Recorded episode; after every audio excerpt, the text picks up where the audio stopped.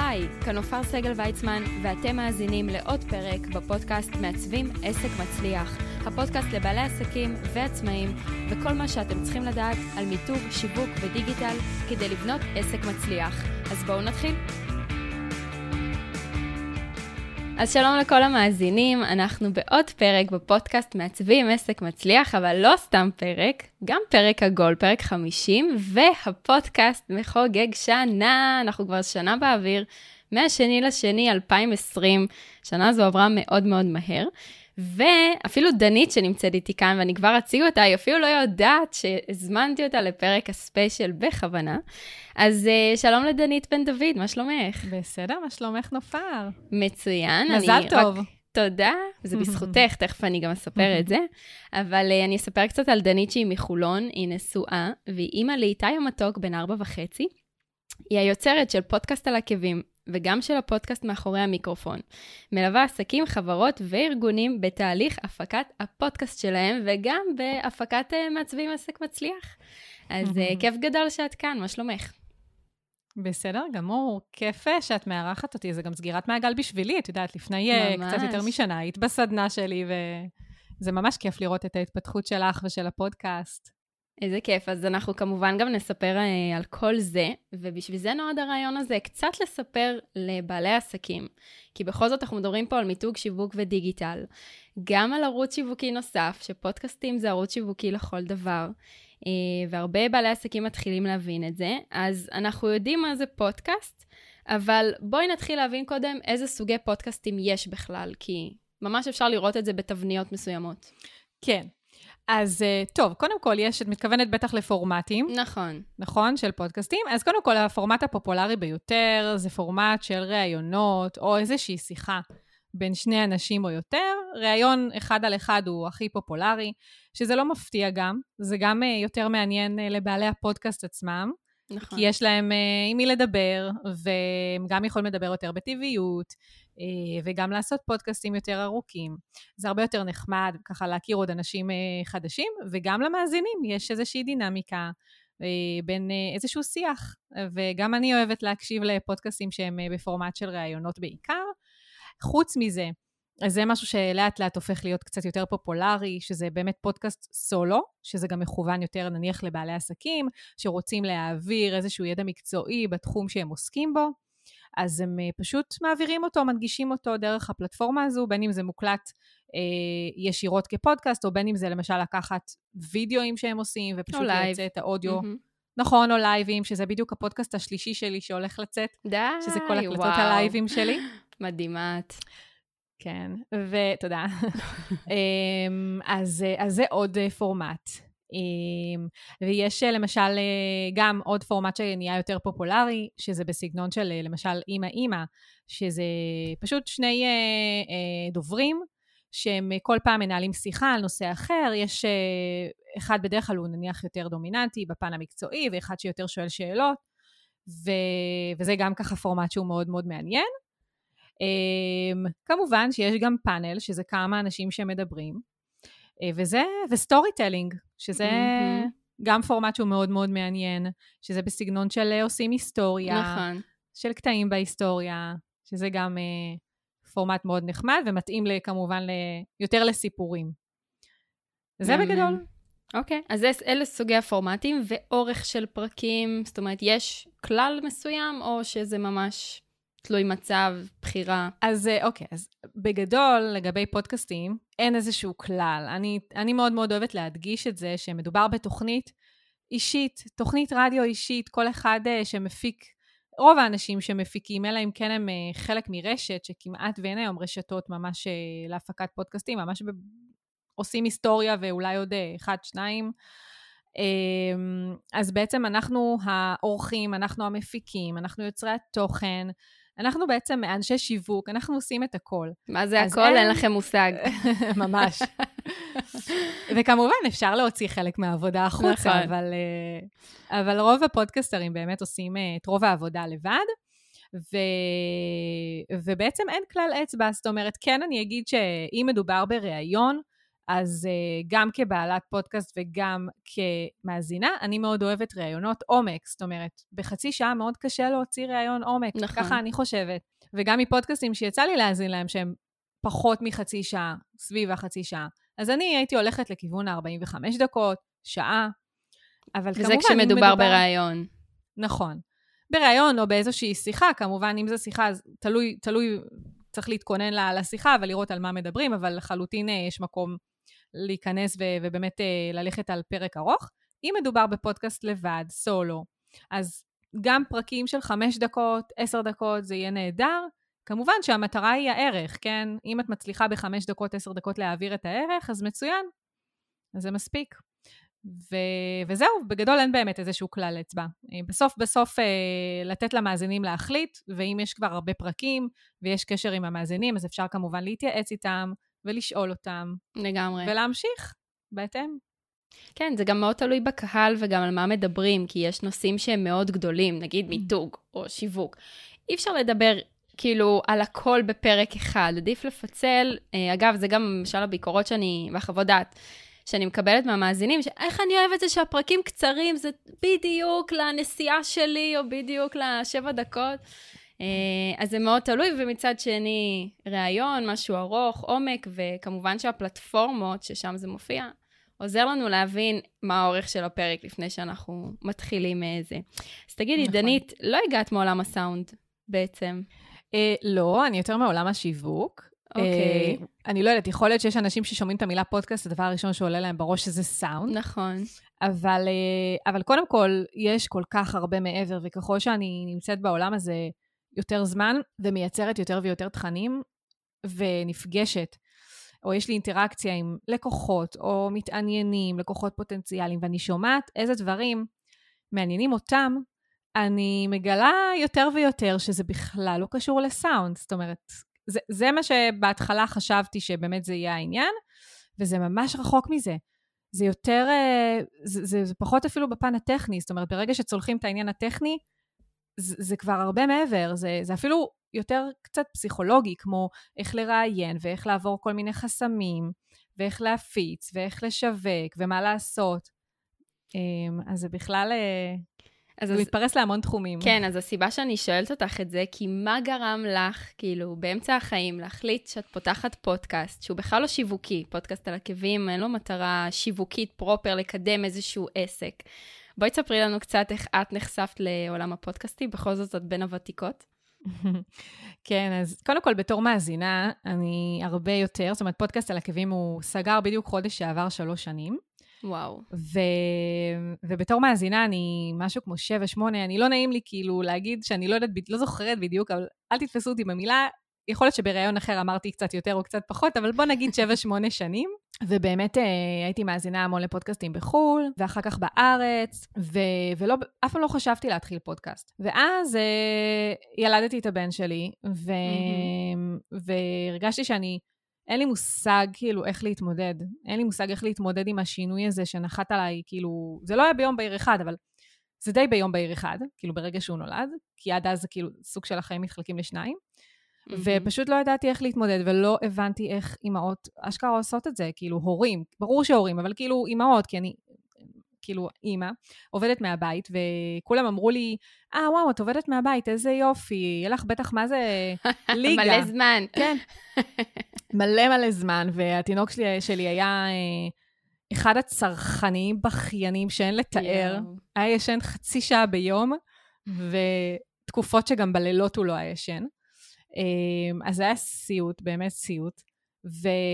ופשוט אה, יום אחד, אה, לא יודעת, באמת, שמתי אותו לישון, וישבתי לידו על הכיסא, ופתאום עלה לי בראש, ממש ברגע אחד פשוט, אולי אני אתחיל פודקאסט, אולי אני פשוט אראיין נשים, אימהות, על איך הן מג'נגלות בין קריירה לבין ניהול בית, משפחה, ילדים. וזה התחיל באמת כרעיון הכי הכי תמים, גם לתת לעצמי כלים, וגם mm-hmm. פשוט לפגוש נשים, ו- ולשוחח עם נשים, חוץ מ... על, את יודעת, על הנקה ו- ופליטות וכל מיני כאלה. אה, וזה לאט לאט התפתח, זאת אומרת, אה, ברגע שהרעיון הזה, קיבלתי חיזוקים גם מבעלי וגם מחברות טובות, אז, אז, כאילו, את יודעת, וזה התבשל, לקח כמה חודשים, עד שעזרתי אומץ, ורכשנו ציוד, ואת יודעת, וזה כאילו התגלגל, פשוט התחיל. מדהים. אז איך בעצם מהפקת פודקאסט משלך, הגעת למצב שהבנת שיש פה, זאת אומרת, אפשר לפתח את זה עוד לממש עסק בפני עצמו, שמלמד אנשים אחרים להקים פודקאסט? אז, אה, אז קודם כל, באמת שאני התחלתי, כמעט ולא היו נשים שעשו פודקאסט. גם היום, ו... דרך אגב. Uh, היום זה כבר הרבה יותר, זאת אומרת, זה כיף. פונות אליי המון המון נשים, גם בזכות פודקאסט על עקבים, ובכלל, גם בגלל שרוב האנשים בפייסבוק שלי אלה נשים. אז, uh, אז, אז פונות אליי המון המון נשים, וזה ממש ממש כיף. ו... זאת אומרת, אז שוב, אז בהתחלה זה באמת היה רק כדי לספ... כאילו לספק את הצורך שלי בחברה ולקבל כלים. ופתאום לאט לאט, גם המרואיינות שלי וגם נשים נוספות שמאזינות לפודקאסט, פשוט התחילו לפנות אליי בפרטי ולשאול אותי, ת, תגידי, אז מה, איך אני מקימה, אז מה אני צריכה? איזה ומה, ציוד. איזה ציוד, ו, ואז פתאום התחילו לשאול עוד שאלות, הרבה מעבר גם לציוד, כמו שאמרתי, אתה יודע, דברים שלא חשבתי בכלל שזה יעניין מישהו. ברור. ו... ואז פתאום הבנתי שיש פה פוטנציאל. ומה שחיזק לי גם את העניין הזה, זה שנשים שהתארחו אצלי בעצם, התחילו לשלוח לי כל מיני הודעות ש... עם צילומי מסכים שהגיעו אליהן בזכות הריאיון אצלי בפודקאסט לקוחות. זאת אומרת, הן הקשיבו לריאיון, ופשוט באו והפכו להיות לקוחות שלהן. ואז אמרתי, כי אוקיי... כי ראיינת בעצם אנשי מפתח בכל מיני תחומים? כן, כל מיני uh, נשות קריירה ויזמיות ובעלות עסקים שבתחומים שונים. וכי התחום פחות, בעיקר בהתחלה כאילו היה יותר דגש על האימהות, אחרי זה יותר גם על הפן היזמי, ואת יודעת, כל פרק אני מוצאת את הזווית שלו. כן, ואז פשוט, uh, uh, פשוט אותן נשים שהאזינו, וזה היה באמת רלוונטי אליהן, פשוט הלכו ופנו לאותן uh, נשים שראיינתי, כדי להיעזר בשירותים שלהן. ואז הבנתי שוואו, יש פה משהו, זאת אומרת, יש פה איזה נישה, איזושהי זווית, ש... שעליתי עליה, וממש במקרה. ו... וגם הבנתי שצברתי כל כך הרבה ידע, שבאמת עם כל הרצון שלי לעזור אה, בחינם, אני גם אחת כזאת שקשה לי לתת מידע חלקי. זאת אומרת, אם אני נותנת מידע, חשוב לי שהוא, שהוא יהיה הכי הכי מדויק שאפשר, ו, ו, ואמרתי, אוקיי, אם אני רוצה באמת לעשות את זה כמו שצריך, ובאמת לתת פה ערך, אז זה חייב, אה, חייב להיות פה תשלום כלשהו, כדי שאני אוכל להקדיש לזה זמן. וזה mm-hmm. ממש נבנה לאט, זאת אומרת, בהתחלה זה היה סדנאות פרונטליות, ואז אנשים רצו ייעוץ אישי, ואז ארגונים התחילו לפנות ולהזמין אותי לסדנאות והדרכות אצלהם, וזה כאילו ממש, מדהים. כאילו לאט לאט פשוט נבנה, ממש. איזה יופי. אז באמת, אה, אני גם יכולה להעיד שדנית בהחלט מעניקה את כל הידע שצריך, אה, ושככה גילוי נאות, כי אני תמיד מעדיפה גילוי נאות מול המאזינים, אז באמת בזכות הקורס שלה הקמתי את הפודקאסט, ועשיתי את זה ממש מהר, הייתי אצלה בקורס, הזמנתי את הציוד, אני אספר על זה בפרק הבא.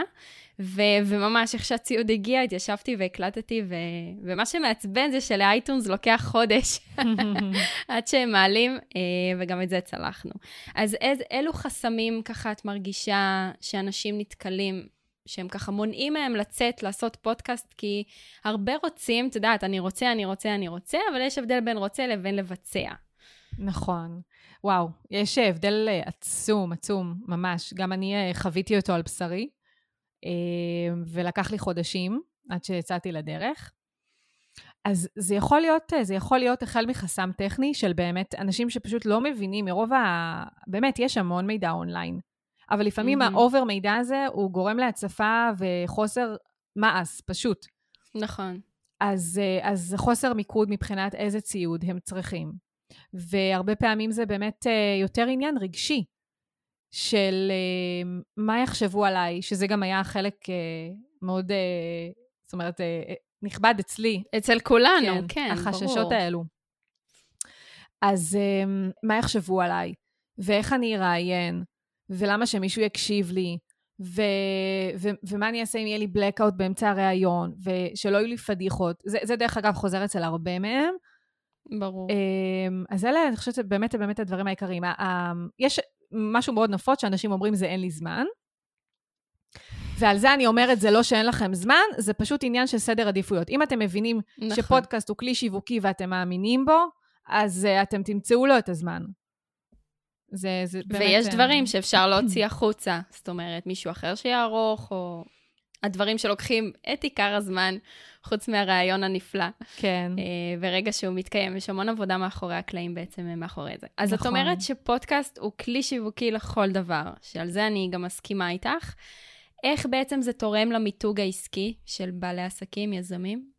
וואו, אה, האמת מכ- מכל כך הרבה בחינות. זאת אומרת, קודם כל, את יוצרת קשרים חדשים, כי את נחשפת להרבה אנשים חדשים, שיכול להיות שלא היית מכירה, אם לא היה לך פודקאסט. זה גם כאילו באיזשהו מקום נותן לך את הלגיטימציה להזמין אנשים, אה, כי נראה קצת מוזר להזמין אנשים לקפה, יכול להיות שהיום קצת פחות, לפני הקורונה קצת פחות, כי נהיה מאוד מאוד נפוץ הקטע הזה של אה, פגישת קפה, אבל באיזשהו מקום, שוב, גם יש מגבלה כמה אפשר להזמין אנשים לקפה, ו... mm-hmm. וזה כאילו מרגיש קצת יותר לגיטימי, היי, יש לי פודקאסט, אני מאוד אשמח אה, לראיין אותך, אולי תתראייני אצלי. וזה לא מרגיש סטוקי כזה של... אה, כי אני תמיד פונה ב... אני, היי, אני עוקבת אחרייך, אני אשמח... אה, זה קצת מלחיץ. כן. אמ, אז זה משהו אמ, אחד. אז הקשרים כמובן שזה יוצר. זה מאוד מפתח יכולות ורבליות. אמ, זה... את, את פשוט לומדת לחשוב מהר, כי כשאת, צריכה, כשאת מראיינת, את כאילו, את צריכה, תוך כדי שהבן אדם עונה על השאלה, את צריכה לחשוב בראש מה הדבר הבא. לחשוב, נכון. ולאן את רוצה להוביל את השיחה, אז זה מאוד מאוד עוזר. וגם, שוב, את מדברת הרבה יותר, אז את חייבת להיות יותר שקולה ויותר מהודקת אה, ככה בתשובה שאת אה, נותנת. זה תורם, זה פשוט נותן לאנשים את היכולת להתחבר אלייך, כי מן הסתם ככל שתקליט יותר, בסוף, גם אם את מנסה להיות ככה בפינה, בסוף האותנטיות שלך יוצאת החוצה. נכון. גם אני בתחילת הפודקאסט, בפרקים הראשונים, נשמעת אחרת לגמרי מהפרקים של היום. אני הייתי מאוד נכבדת על הכלים, זאת אומרת, אני מאוד... אוי, גם אני. לא שיתפתי, כן, לא שיתפתי שום דבר על החיים שלי, והייתי מאוד ככה זרקור על המרואיינות, ולאט לאט הבנתי ש... שאני חייבת להכניס את האופי שלי אם אני רוצה שאנשים יתחברו אליי ויקשיבו לפרקים שלי. אז זה מאוד uh, שם דגש על האותנטיות. הרבה פעמים נשים שפונות אליי, דרך פודקאסט על עקבים, והן רוצות uh, להקים פודקאסט, אז הן אומרות לי, תראי, אני יודעת שאת לא מכירה אותי, אבל אני מרגישה שאני מה זה מכירה אותך כבר.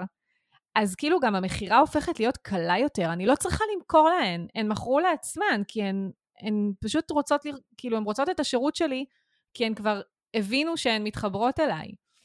אתם תראו את זה בשיחה טלפונית, שמישהו שהתעניין, נגיד, באיזשהו שירות שלכם, ואז אתם מתקשרים אליו, ואתם אומרים לו, היי, זו דנית בן דוד, זו נופר סגל ויצמן, אז מישהי מאזינה אמרה לי, היי, מה העניינים? כאילו, אנחנו... זה ממש תחושה שאנחנו מכירות, אז אמרתי לה, אוקיי, אני בטוחה שהגעת מהפודקאסט. כאילו, אין שום סיבה שנכיר בדרך אחרת.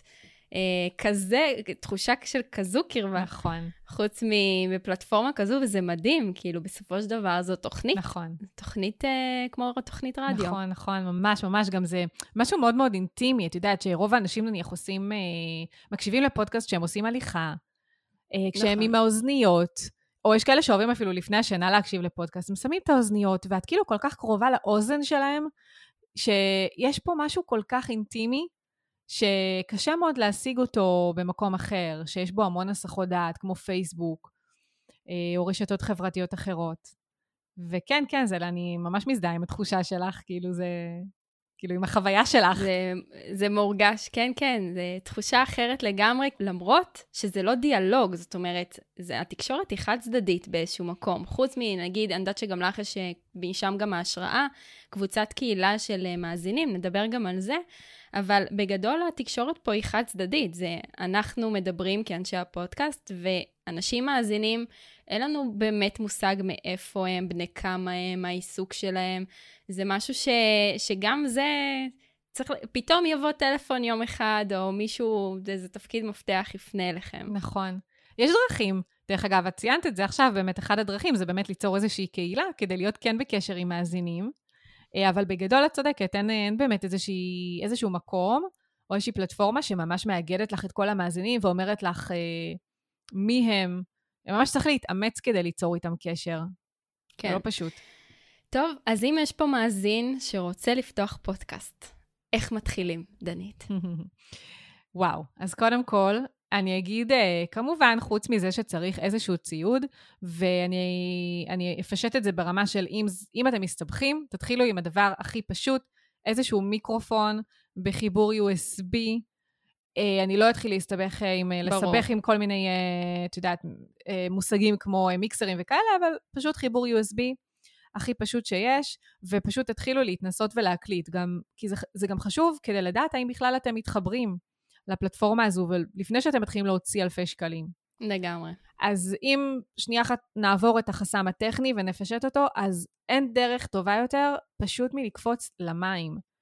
באמת, זאת אומרת, גם אה, בפודקאסט על עקבים, מן הסתם זה היה, ועוד נלוו לזה המון המון חששות אה, אה, ככה יותר פסיכולוגיים, אבל גם במאחורי המיקרופון חוויתי את זה. כי, כי זה היה פתאום להתחיל פודקאסט חדש, זה להוכיח את עצמי עוד פעם, כאילו, יש לי כבר פודקאסט, מה, מה אם אני לא אדע לראיין וזה כאילו קהל אחר. על נושא אחר. כן, זה קהל mm-hmm. אחר. זה, זה נישות, נישה אחרת לגמרי. זה כאילו, פתאום כל החוסר ביטחון חזר. ו, והדבר היחידי שבתכלס באמת גרם לזה לקרות, באמת, חוץ מהקורונה, שזה היה סוג של זרז, כי כל הפודקאסט הזה מוקלט אונליין, ופתאום התפנה המון זמן, וכאילו, לא התפנה המון זמן, אבל כאילו היינו בבית, ו... לגיטימציה, אה, כן.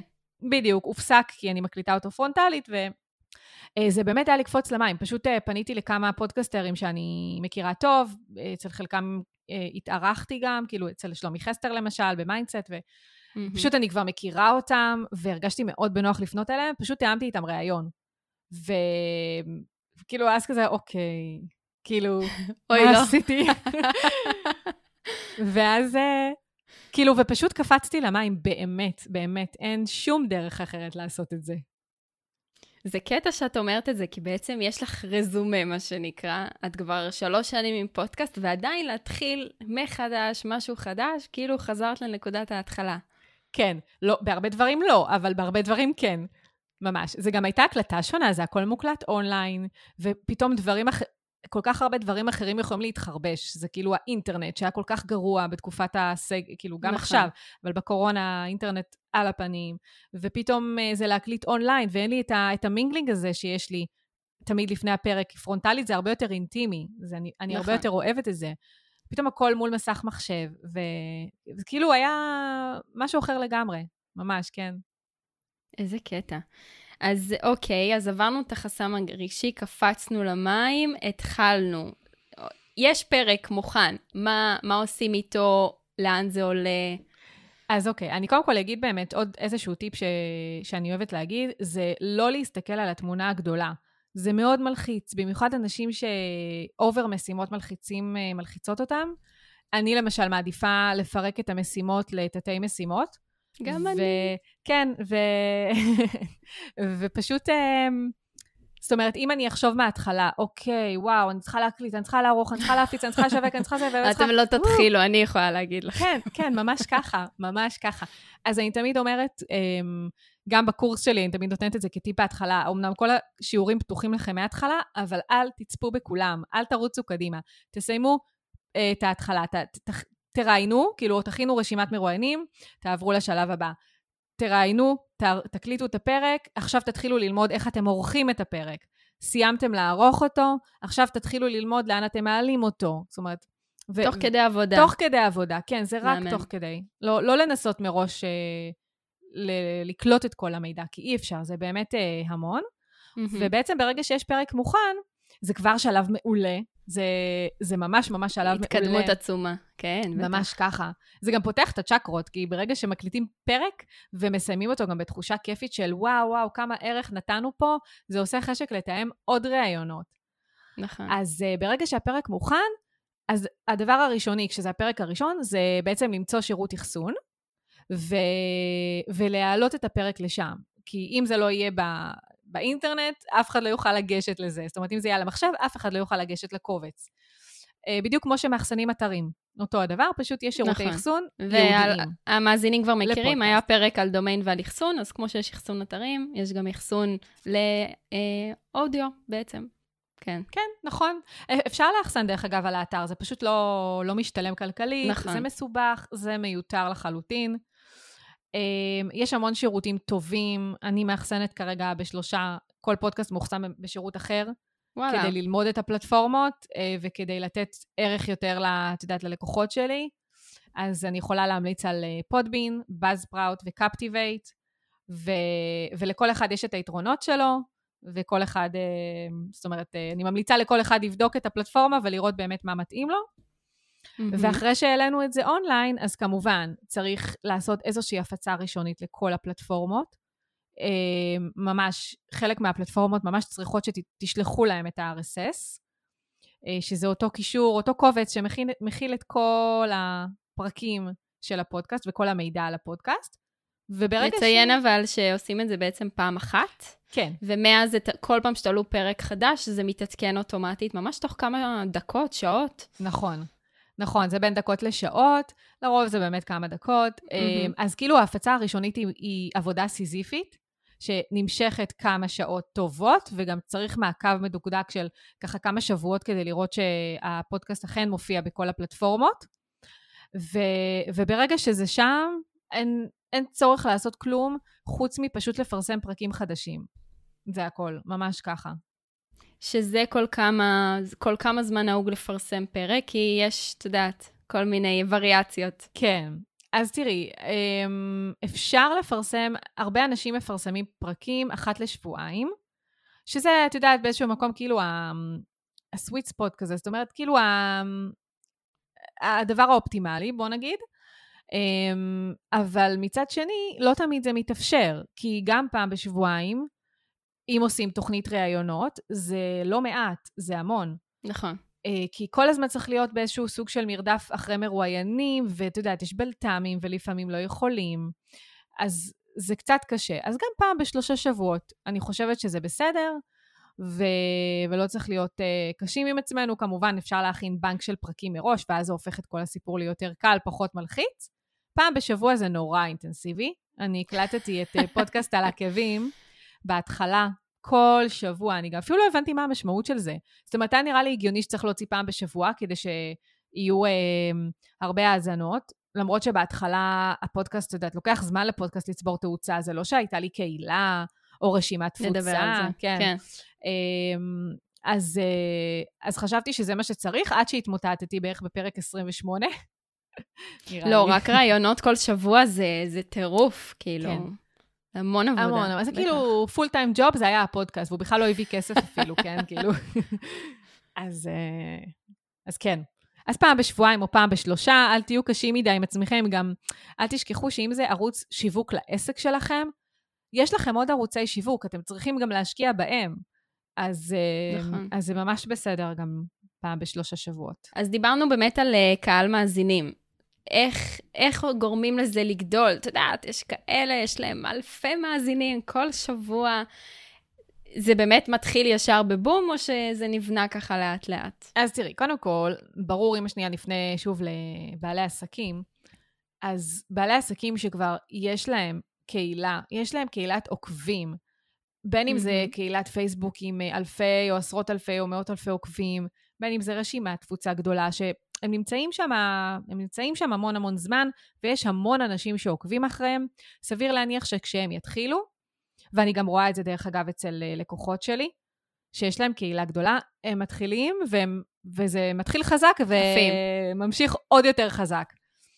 ואנשים שמתחילים פודקאסט ממש מ- באמת ממקום של אה, התחלה-התחלה, גם מבחינת כמות העוקבים, אז זה עולה במתינות. את יודעת, זה עולה. קודם כל, כל עוד שיש עלייה, זה כבר חי, אה, ככה חיובי, וכשמתחילים לקבל את הפידבקים, אז בכלל. ואפשר לעשות המון דברים כדי uh, באמת להפיץ ולשווק את הפודקאסט. Uh, ולאט לאט לגדול. למשל, להביא מרואיינים שיש להם uh, עוקבים, קהל עוקבים גדול. את יודעת, לפעמים רק אזכור אפילו בסטורי של אותו נכון. מר, אה, מרואיין, זה יכול פתאום להביא לך אה, כמות מאוד יפה של עוקבים. ופתאום, אה, אם את למשל, שוב, הולכת, אני הולכת שנייה על מרואיינים, אה, שיש להם שם מוכר, והפודקאסט שלך נמצא ביוטיוב, ומחפשים, דרך אגב, הרבה מהמרואיינות שלי הגיעו אליי, הרבה מה, סליחה, המאזינות שלי, הגיעו אליי דרך אה, מספר פרקים אה, ביוטיוב, שפרסמתי שפשוט חיפשו, למשל אפרת לקט, שהיא מאמנת לאימהות, שהיא מאוד מאוד מוכרת, mm-hmm. הגיעו אליי המון נכון. דרך יוטיוב. זה אחד הווידאוים הכי נצפים שם. אמ, אז אה, קידום אורגני, כאילו דרך יוטיוב, דרך גוגל. ו- ויש עוד המון, המון uh, דרכים, את יודעת, למשל, אפשר ליצור טיזרים, ואפשר לשווק אורגנית בכל מיני קבוצות פייסבוק, ואם את רוצה, בגלל שזה גם חלק מהמיתוג של העסק, את יכולה לתקצב חלק מהתקציב השיווקי לפרסום ממומן.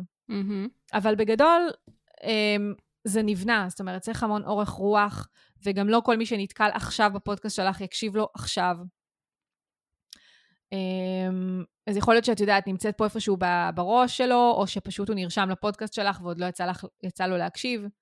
אמ, אני חושבת שמדד טוב להצלחה, זו שאלה שהיא מאוד נפוצה, אני גם עשיתי על זה live, איך למדוד הצלחה בפודקאסט. קודם כל, להגדיר לעצמכם את המטרות שלכם, כל אחד והמטרות שלו, mm-hmm. אבל אני חושבת שמדד טוב להצלחה, אצלי לפחות, זה הפידבקים שאני מקבלת, וגם, בסוף אני, שוב, אני, אני מגיעים אליי לקוחות ל...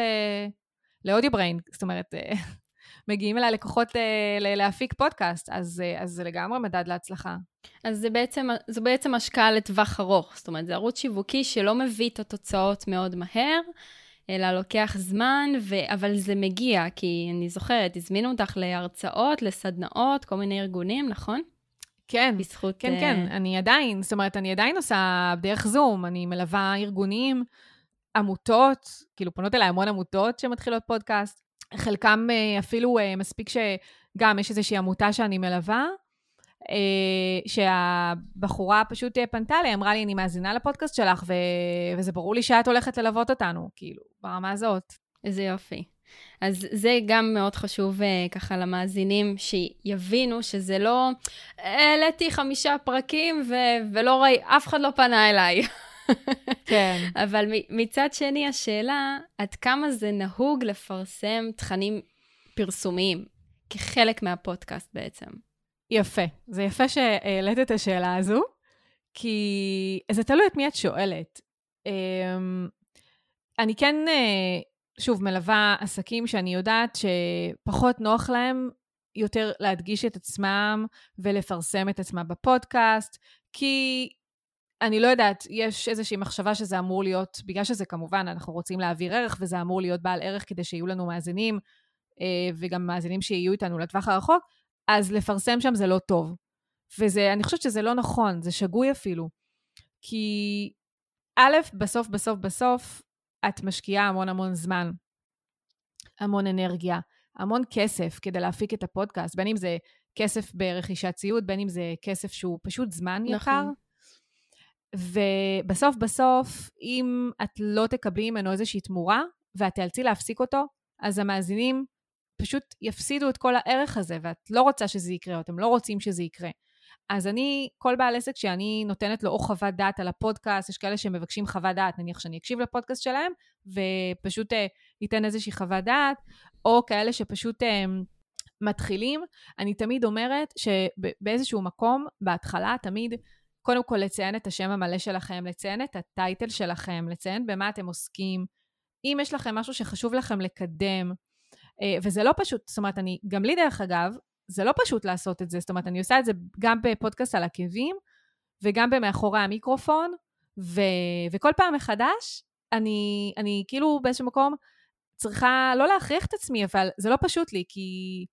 כי אני אומרת, בטוח יש כמה מאזינים ש... שכאילו אומרים, אוי, נו, בוא נדלג על זה או משהו, כן, בטוח, בטוח כאילו, את יודעת.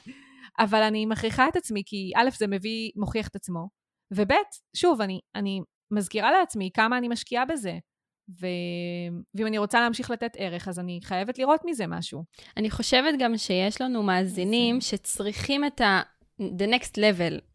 זאת אומרת, הערך שאנחנו נותנים להם פה בפודקאסט הוא לא מספיק למה שהם צריכים עכשיו. ואם לנו, כבעלי הפודקאסט, יש יכולת לעזור להם, וצריך להסתכל על זה מהבחינה הזו, אני בסך הכל מציעה את העזרה שלי, כי אני פה עם הידע, עם היכולות, אני אומרת באופן כללי, לאו דווקא עליי, כדי לעזור לכם בדברים הנוספים. Mm-hmm. אם התחום הזה מעניין אתכם, אם אתם צריכים אותו לבית, לקריירה, לעסק, אז, אז הנה, רק נתתי את הפתח למי שמעוניין.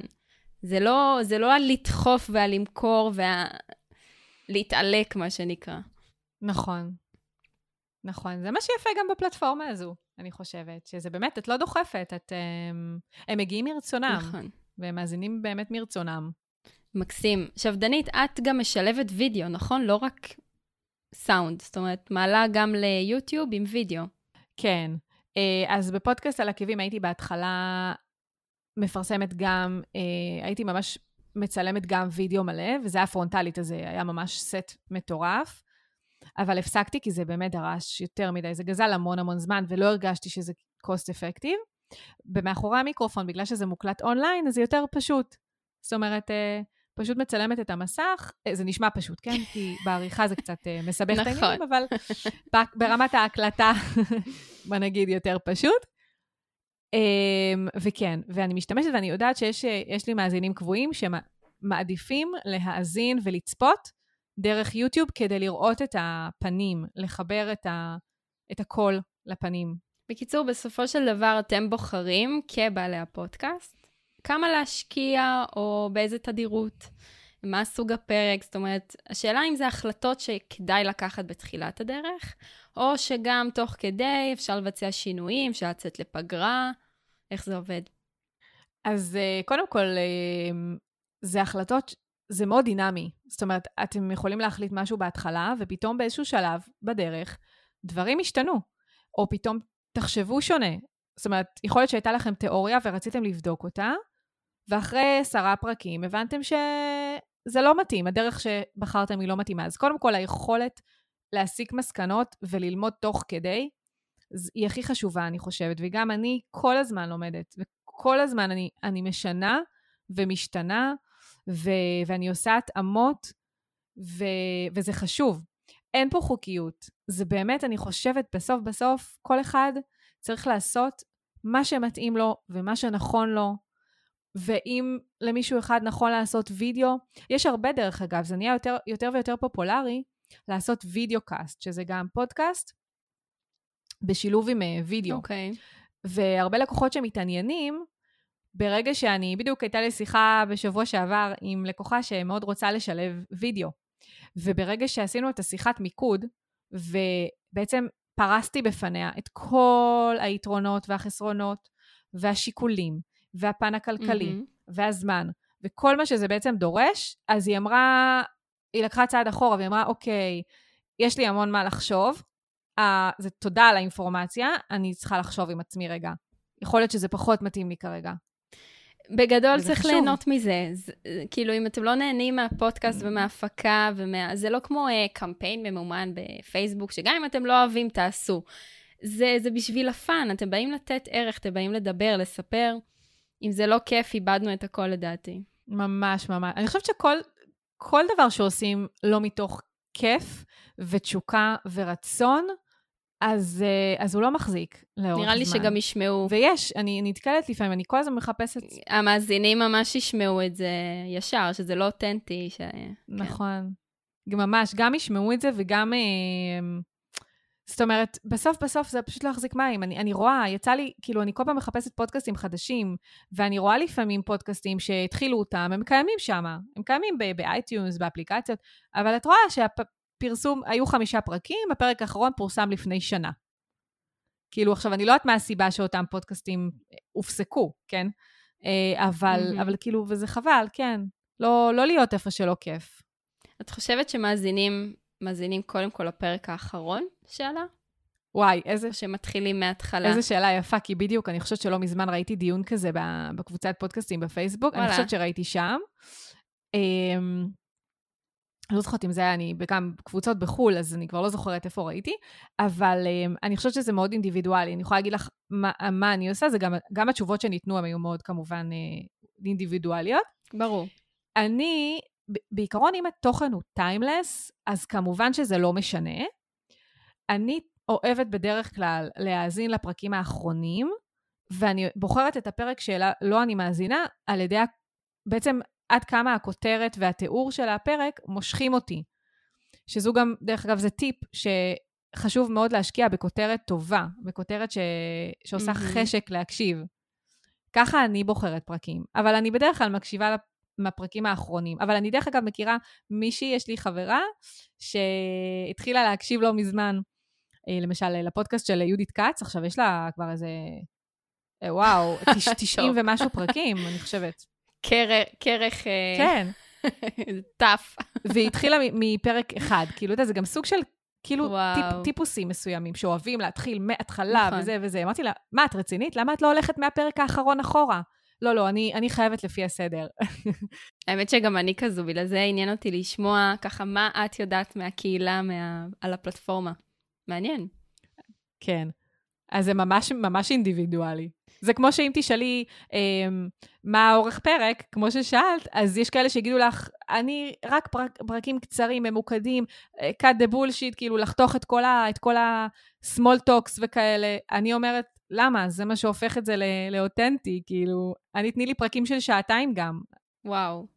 אז שעתיים כן, זה... יש כאלה, דרך וואו, אגב. איזה יופי. לא, זה קצת קיצוני, אבל יש, כן. יש אה, גיקונומי, אני יודעת שעשו כמה פרקים, אה, או עושים פרקים ארוכים מאוד, והפודקאסט שלהם מאוד מצליח. אה, אני עושה פרקים של שעה עד שעה וחצי. בואי נגיד זה- ככה, אם יש על מה לדבר שעה וחצי, לכו על זה, אבל אם מרגישים שאתם מורחים כדי, את יודעת, זה כמו שלראות סרט, שפעם סרט היה שעה וחצי, היום הוא מינימום שלוש שעות. בואו, יכלתם להוריד קצת דברים. יש סרטים שאין צורך בכזה אורך, אז תהיו ממוקדים, נראה לי תעבירו את המסר, אם זה ייקח עשר דקות או שעתיים, אבל שזה נכון. לא יהיה מסטיק, זאת הכוונה, בתחושה. נכון, ממש ממש ככה. אז דיברת על החשיבות של השם של הפרקים, ובכלל, דילמת הדילמות זה מה יהיה השם של הפודקאסט. אז איך מגיעים לזה, איך מוצאים את השם? תני לנו ככה כמה טיפים. כן, וואו, דרך אגב, שם זה משהו שהוא אה, באמת, אה, אנשים אה, ככה חושבים עליו באמת באמת בכובד ראש, ואפילו מעלים סקרים ככה בפייסבוק עם כמה אופציות, שזה ממש יפה, דרך אגב, לתת לאנשים להחליט. אז אנשים באמת מתייחסים לזה בכובד ראש. עכשיו, שוב, גם פה אין חוקיות, כן? יש אנשים שהם מאוד אוהבים להישאר בפשטות של הפודקאסט של כך וכך, מהמם. והשם שלהם, אם הם נניח רואים את עצמם בתור מותג, או רוצים שאנשים יראו את, אותם כמותג, אז הם פשוט קוראים לפודקאסט בשם שלהם, וגם הרבה פעמים פשוט גם שמים את הלוגו שלהם. ו... ויש אנשים שאת יודעת, הם מחפשים את השם ה... המדליק הזה, ש... שכאילו אומר על מה הפודקאסט מדבר, אבל הוא, הוא, הוא כאילו, הוא עושה וואו. כאילו, הוא פשוט עושה וואו. אמ, ו- ואני חושבת שבסוף, בסוף באמת, קודם כל, מבחינת טיפים, לא, לא להתבחבש עם זה יותר מדי. זה כן מאוד מאוד חשוב, אבל אם לוקח לכם חודש רק למצוא שם, או אתם כרגע תקועים, כי לא מצאתם שם, חבל. אז לשם יש... כן, חבל, כי בלי השם אתם לא יכולים אה, להעלות את, הפ- להפיץ את הפודקאסט, כי אתם צריכים שם. אתם לא יכולים אפילו להקליט את הפרקים, כי אני בכל פודקאסט, אני אומרת בהתחלה, ברוכים הבאים לפודקאסט על עקבים, ברוכים הבאים למאחורי המיקרופון, כאילו, מהמם. זה משהו מאוד מאוד, מאוד אה, כאילו, מאוד מאוד מהותי. נכון. אז אי אפשר, אז כאילו ממש תוקע הכל. אז לא, לא להתבחבש פה יותר מדי זמן. פשוט uh, לעשות סיעור מוחות, uh, לחפש נניח ב iTunes, אני אוהבת uh, uh, להיכנס ככה ל iTunes ולראות איזה שמות אנשים ככה בוחרים, uh, כאילו איזה שמות uh, יש, ואז לנסות להפעיל את הגלגלים ככה בראש ולחשוב מה, איך אני יכולה לקבל מזה השראה, נכון. או מה אני רוצה שהשם שלי יעביר. זאת אומרת, למשל עם פודקאסט על עקבים, אני גם עשיתי בדיוק את אותו תהליך. אני נכנסתי ליוטיוב, התחלתי להסתכל, ואז התחלתי לחשוב, לשאול את עצמי, רגע, מה, מי קהל היעד שלי? אוקיי, נשים, קרייריסטיות. נשים, עקבים, זה משהו שמסמל אישה חזקה. אני כאילו ממש משחזרת בטח, עכשיו את מדהים. התהליך שעשיתי בראש. אמ, אוקיי, עקבים, אישה חזקה, קרייריסטית. אמ, גם היה לי חשוב לשים את הדגש על הפן היזמי, על הפן הקרייריסטי, ואז פשוט איכשהו זה כאילו, אני, אני בחיי שאני אפילו לא זוכרת, פשוט אמרתי, רגע, פודקאסט על עקבים, כאילו, וזה כאילו בא לי בהברקה כזה של שנייה אחרי סיור מוחות ככה, והתחלתי לרשום על דף, כמובן. חשוב. ממליצה, כן. לזרוק, כן, לרשום על דף.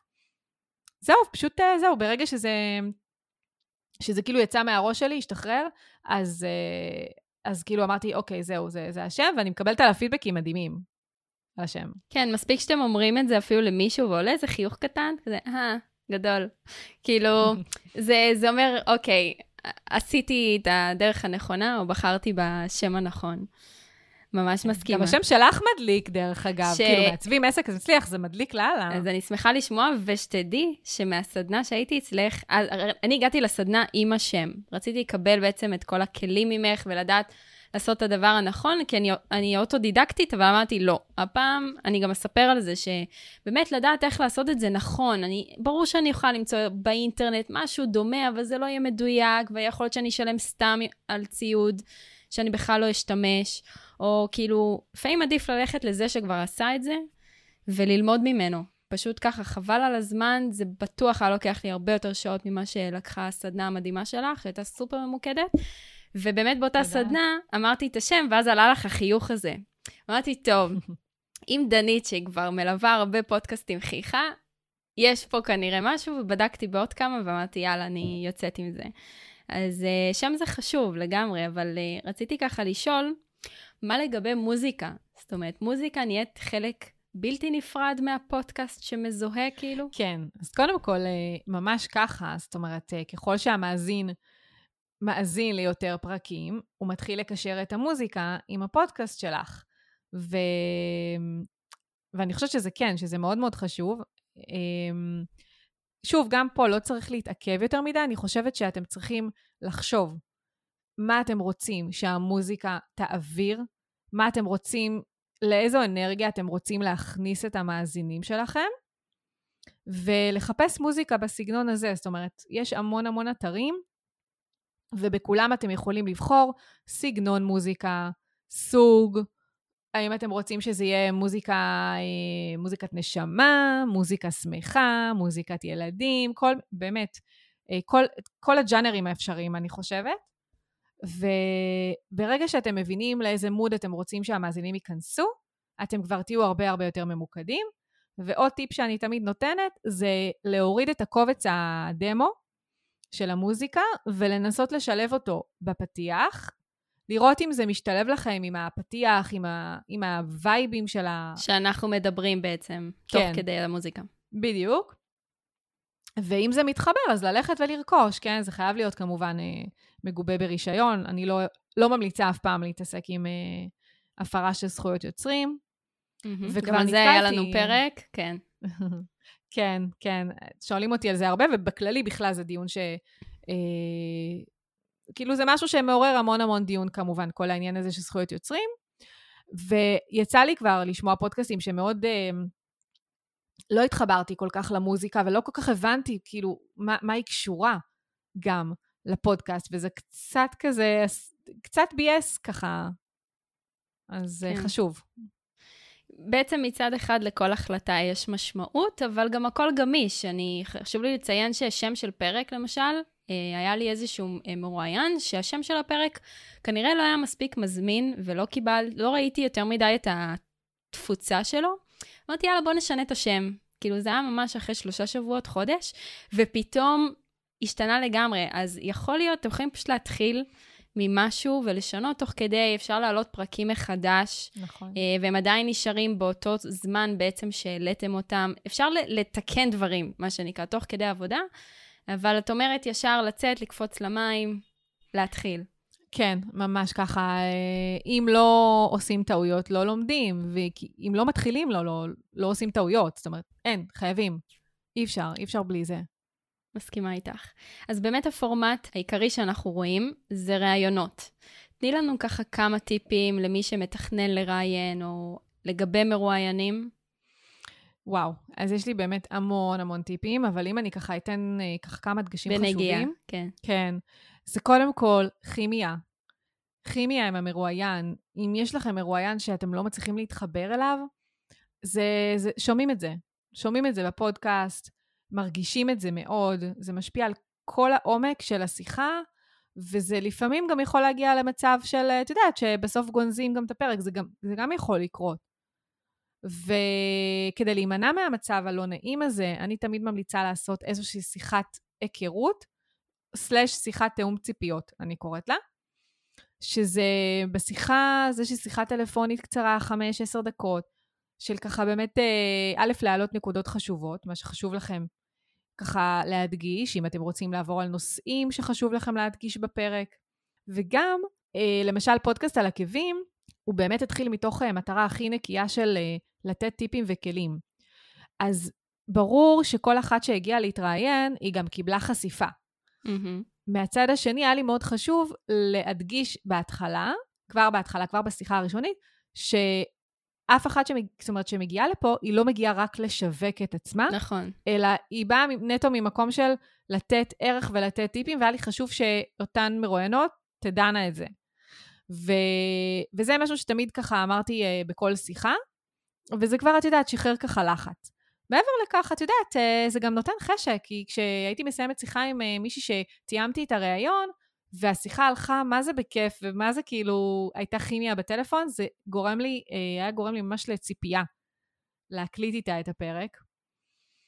אמ, אז זה מאוד מאוד חשוב. חשוב גם מאוד כשאתם נפגשים, בין אם זה באונליין או ב offline, לעשות קצת mingling, לא ישר להיזרק לתוך השיחה, במיוחד באונליין, כי באונליין יש אין, אין את הקשר האישי הזה כמו בפרונטלי.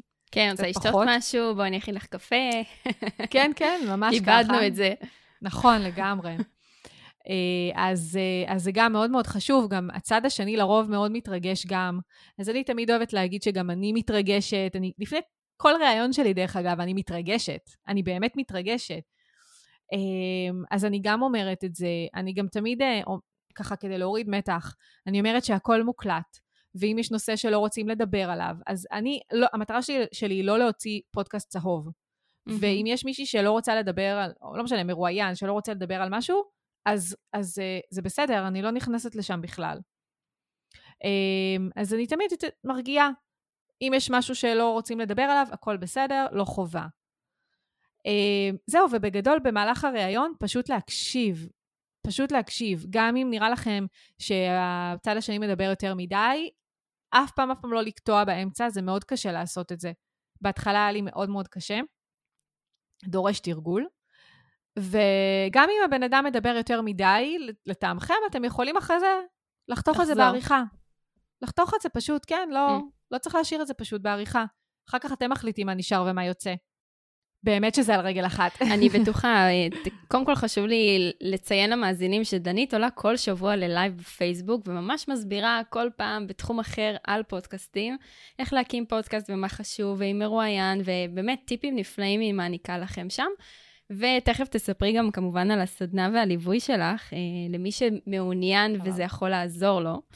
אה, אבל רציתי לשאול דבר אחרון ככה, לפני שאנחנו ממש מתקרבות לסיום. קרה לך שלא העלית פרק? כן, זו שאלה וואלה. יפה, כן. פרק, פרק אחד ויחיד. כל העניין הזה באמת של הכימיה, mm-hmm. אה, זה משהו שקרה לי בהתחלה, באמת מהפרקים הראשונים יחסית. אה, היה שם סיפור ממש ממש טוב, ו... ואני לא יכולה לחשוף פשוט ברור. מעבר, אבל, אבל היה שם סיפור מאוד מאוד מיוחד, ומאוד רציתי ככה אה, ש- שהיא תבוא ותספר ותהיה השראה, תהווה השראה. ו...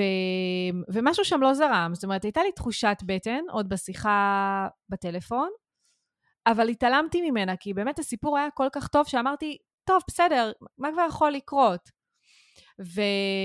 וקבענו ראיון, ופשוט בסוף, במהלך הראיון, לא, לא, זה לא צלח. זאת אומרת, היא כל הזמן הרגישה שאני כאילו חוקרת אותה, כי כנראה, mm. זה בדיעבד הבנתי, הסקתי מסקנות, כי אני לא מאשימה את הצד השני, אני תמיד חושבת איפה אני עשיתי, כאילו, מה אני עשיתי לא בסדר. וחשבתי שאולי לא, אולי לא רצתה לדבר על הנושא הזה. וכשאני בעצם הזמנתי אותה, אני הזמנתי אותה בגלל הנושא הזה. זאת אומרת, זה, היה, זה היה הדבר לדבר עליו מבחינתי, והיא כל הזמן שהיא דיברה, היא הלכה סביב הנושא. Mm. ובמהלך הראיון אפילו עצרנו רגע, וכאילו, אמרתי, ניסינו ככה ללבן את העניינים, וניסיתי ככה לכוון אותה ולהסביר לה שהסיפור שלה הוא מעורר השראה ממש, והייתי מאוד שמחה שהמאזינות ישמעו את זה. וזה לא צלח, היא פשוט מאוד מאוד הרגישה שאני חוקרת אותה. בשום מקום זה המטרה, כן, לראיין, נכון. אבל הייתה שם אנרגיה כנראה לא מוצלחת. אמ, ופשוט בסוף הראיון היא אמרה לי, תראי, את יכולה לפרסם את הפרק אם את רוצה, לא אכפת לי, אני כאילו לא... לא אכפת לי, מה שתחליטי.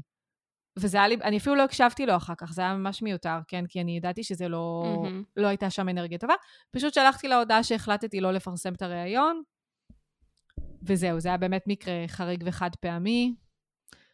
אבל זה עלול לקרות וצריך לקחת את זה בחשבון. הכל טוב. זאת אומרת, יכול להיות נכון. שגם מרואיין ירגיש לא בנוח, או שהפרק לא יצא כמו שתכננתם, והכל בר תיקון, אתם לא חייבים לעשות שום דבר. זה היופי, זה לא רדיו, לייב. הכל מוקלט. נכון. תחליטו אם לעלות או לא לעלות. אתם יכולים, אנשים מקליטים מחדש פרקים, שזה אני בכלל אה, בהלם. אה, יש גם כאלה, עושים טסט, לא הלך כמו שרציתי, יאללה, שוב. וגם נכון. משפטים, אגב, לפעמים אנחנו חוזרים על אותו משפט פעמיים, כי פעם ראשונה גמגמנו, נגיד, או משהו כזה. לגמרי. אז אה, זה גם לגמרי. קורה. יופי. היה, היה דרך אגב אה, מישהי שבאמת דיברתי איתה, אותה, אותו עניין של השי- שיחת תיאום ציפיות, שדיברתי איתה והייתה לי גם שם הרגשה לא טובה, אבל שם כבר אה, הלכתי עם התחושות בטן שלי. פשוט ויתרנו על הראיון. מהמם. כאילו, אני, אני כאילו, בסוף השיחה פשוט חתרתי לזה שבואי נרד מזה, כאילו. כי הרגשתי שאם ניפגש זה לא יצא טוב. אז כאילו, פשוט תהיו, תהיו קשובים לתחושות בטן שלכם. כן, גם, בגדול. גם תזכרו שאתם לא שדרני רדיו שהפילו עליכם עכשיו לראיין את זה ואת זה, גם אם אתם פחות מתחברים אליו, או... זאת אומרת, נכון, נכון. תבחרו את מי נכון, שאתם נכון. רוצים לראיין, ואם הוא יגיד כן, מדהים, למה לא? כן, ואם הוא יגיד לא, אז הכל בסדר. נכון. יש עוד הרבה מרואיינים. או שהוא יבוא עוד כמה שנים וירצה, זה גם קורה. את תצחקי, זה קרה לי כמה פעמים, כן. וואלה, גדול. כן, כן, זה קרה לי. מד- השמור... השמות שמורים במערכת, כן? אבל זה קרה. גדול, מהמם. זהו, זה, לכן פודקאסט זה לטווח ארוך. לגמרי. טוב, אז המאזינים כבר יודעים שיש לך קורס דיגיטלי, וגם ליווי פרטני לכל מיני ארגונים וחברות. בואי תספרי לנו על זה קצת יותר, איך זה עובד, מה, מה עושים. סבבה, אז, אה, אז יש לי באמת קורס אונליין, שמאז הקורונה אה, ככה קיבל ככה פוקוס אה, ובאמת פורח, אה, כי באמת אה, כל הסדנאות הפרונטליות די ירדו מהפרק, אז אנשים פשוט אה, עושים shifting לקורס, ואני מקבלת פידבקים ממש מעולים. אז פשוט קורס שבאמת מכיל את כל המידע המקיף שצריך אה, מההתחלה, התחלה, התחלה, נושאים ועד ההפצה והשיווק, הכל, כל מה שבדרך. וזה כולל גם את הליווי שלי תוך כדי כמובן. אה, וגם ייעוץ וליווי פרטני. אה, תמיד יש את אלה שמעדיפים פשוט לקבל את המידע שהם צריכים בצורה מזוקקת, או אם יש נושאים ספציפיים שהם רוצים לקבל עליהם חיזוקים, אה, אז יש גם את האופציה הזו. וכן, וגם אני מלווה, שוב, סדנאות פרונטליות קצת פחות כרגע, אבל גם ארגונים וחברות, אני עושה גם הכל אונליין, ליוויים וכאלה. אלה השירותים. מהמם. תגידי, דנית, אה, קצת, שנייה לפני סיום. תני לנו ככה טיפ לעסק מתחיל ולעסק ותיק, לאו דווקא בהקשר של אה, פודקאסטים. אוקיי, אה, אז לעסק מתחיל, הדבר, אני חושבת, באמת הכי הכי חשוב, זה, זה תכנון, ו, ולא לא, כאילו, לא, לא להיזרק ל, לעסק, לעצמאות, אלא לתכנן את זה. בין אם זה לתכנן ברמה של תמיכה, ברמה של ביטחון כלכלי, אם זה בן זוג שיש לו הכנסה, אם זה דמי אבטלה, אם זה חיסכון שמייעדים אה, לתקופה, לתקופה של ההתחלה. זה באמת באמת פשוט לא להיזרק, לעשות את הכל בצורה מחושבת, ולא ללכת רק לפי תחושת בטן של נמאס לי ממקום העבודה שלי, אני עכשיו עוזב את הכל ומחפש מה אני רוצה לעשות בחיים, זה לא עובד ככה. אוקיי. פשוט לא עובד ככה. ולעסק ותיק זה, אני חושבת, אה, זה כל הזמן להתפתח. אם יש משהו שהקורונה לימדה אותנו, זה שאנחנו צריכים להתאים את עצמנו לשינויים ומהר. נכון. אה, עכשיו, עכשיו, אני עובדת uh, מהבית uh, ביחד עם בעלי כבר מעל עשור. אנחנו בעולם הדיגיטל המון המון שנים, וכל העסק שלנו מתנהל אונליין. אבל, uh, אבל uh, יש אנשים ועסקים שהיה להם מאוד קשה לעשות את ה shifting הזה, ומי שלא מתאים את עצמו לשינויים בצורה מהירה, אז הוא פשוט, uh, הוא לא נשאר במקום, הוא פשוט uh, הולך אחורה. כי הטכנולוגיות מתקדמות ומתקדמות מהר. ו... ואם רגע נלך על הכיוון של אה, שנייה, שנייה משמעי. פודקאסט שוב, מהמם. זה כאילו, בעלי עסקים היום מנגישים את הידע שלהם באמצעות פודקאסט. הרבה, יותר ויותר בעלי עסקים. תיכנסו עכשיו, בעוד שנה אתם לא יודעים כמה, היום יש מאות אה, פודקאסטים ב- בישראל בעברית, מהמם. בעוד שנה אולי יהיו כמה אלפים. אתם לא, לא יודעים מה יהיה, ואנשים צורכים יותר ויותר את הידע שלהם דרך uh, הפלטפורמה הזו. וזה לא חייב להיות פודקאסט ייעודי. זאת אומרת, uh, גם עשיתי על זה את אחד הלייבים, אתם יכולים לקחת וידאוים שלכם, לקחת לייבים שאתם עושים, ופשוט לתרגם אותם לפודקאסט, להעביר אותם, כאילו לייצא מהם, לזקק את האודיו שלהם, ולהעלות אותם לפלטפורמה הזו. אם תרצו בעתיד לפתוח עוד פודקאסט, מצוין. אבל פשוט להתפתח, כל הזמן להתפתח. זאת אומרת שאפשר גם להשתמש בתוכן שעלה בפלטפורמה אחת, להמיר אותו לפלטפורמה נוספת. זה לא, זה לא צריך לסתור אחד את השני, זה קהל שונה. לגמרי, זה ממש לא צריך לסתור. אה, זה, זה מקל, את יודעת, באיזשהו מקום זה מקל, כי יש גבול לכמות התוכן שאנחנו יכולים לייצר נכון. אה, תוכן ייחודי. זאת אומרת, אני, דרך אגב, משתמשת באותו תוכן שאני עושה ללייבים, לכל שאר הפלטפורמות, וכל פלטפורמה, אני מתאימה את התוכן לאותה פלטפורמה, אבל אני מזקקת את התוכן מאותו תוכן של לייב. אי אפשר לייצר תוכן אה, ייחודי לכל פלטפורמה, אנחנו לא נצא מזה, זה בלתי אפשרי. טיפ מעולה שקיבלתם פה, אני ממש כן. אה, מסכימה איתו. אז דנית, אה, תמיד בקהילת המאזינים, הם תמיד יודעים מי המרואיין הבא, ואני יודעת שגם ראית את הפוסט, אבל אז באמת יש לנו כן. שתי שאלות ממש ממש טובות מהמאזינים. אז השאלה לא, הראשונה היא של סתיו. אם יש כבר פודקאסט בתחום שלי, האם כדאי לי לפתוח?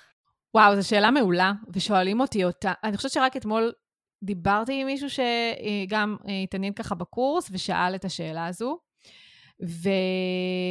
ולחלוטין, כן, אני גם עשיתי על זה לייב.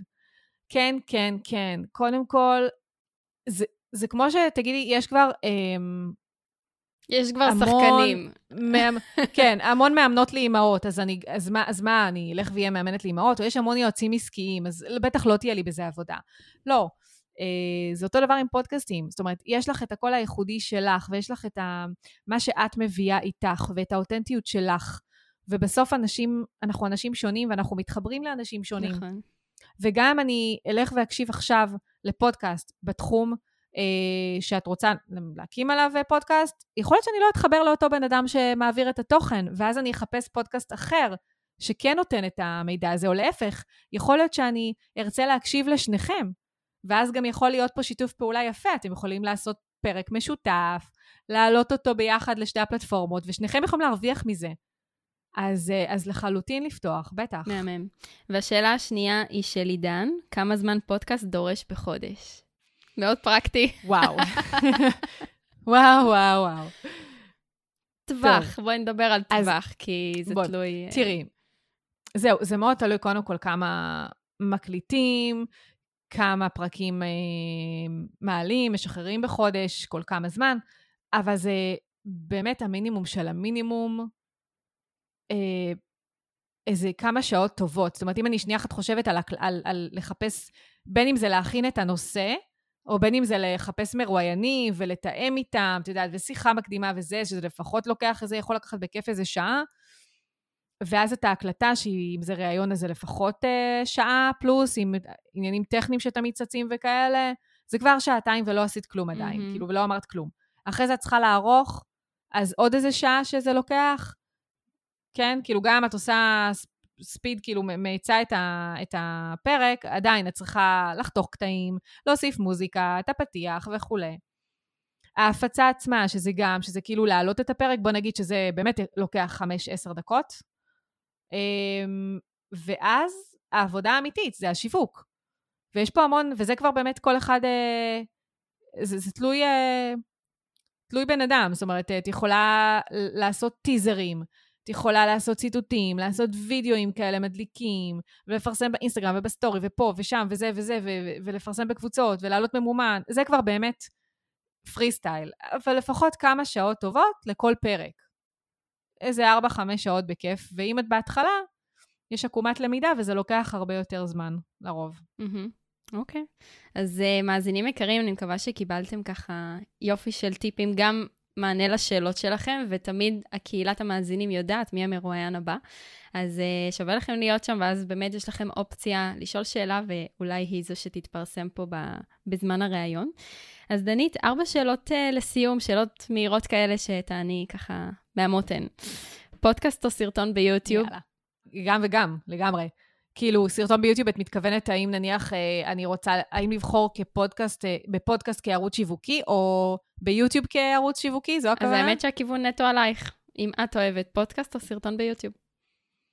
אה, אני הולכת וחופרת, את מבינה? אה, לא, לא, פודקאסט לגמרי. ת, תראי, תלוי במה, כן? אם אני רוצה לקבל מידע טכני, אה, אני רוצה לראות איזשהו review שעושים על איזה ציוד חדש, או ללמוד איזה טריקים של עריכה, לגמרי יוטיוב. כל השאר זה פודקאסט. מהמם. סניקרס או עקבים?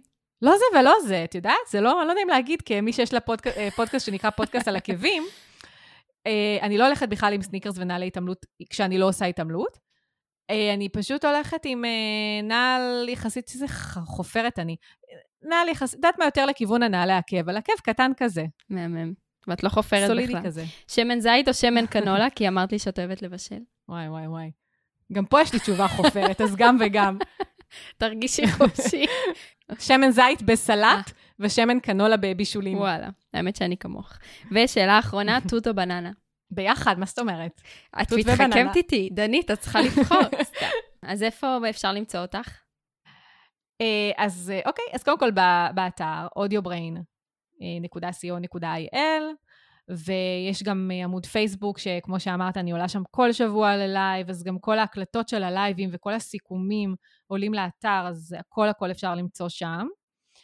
אה, יש לי גם את האינסטגרם שאני מעלה לשם טיפים מדי פעם. אה, זה בגדול אני חושבת, כן. כן, האתר, האתר באמת זה המקור הכי... ופודקאסט על עקבים ומאחורי המיקרופון, בפלטפורמות. והפודקאסטים שלי, נכון. נכון, כאילו, פרט שולי והכי חשוב. לגמרי. יופי. דנית, ממש ממש שמחתי לארח אותך כאן. אה, הענקת לנו המון ידע, גם לאור חגיגות השנה לפודקאסט. אה, רציתי להביא באמת ערך וידע של מישהי שעושה את זה כבר כמה שנים וגם מלמדת איך לעשות.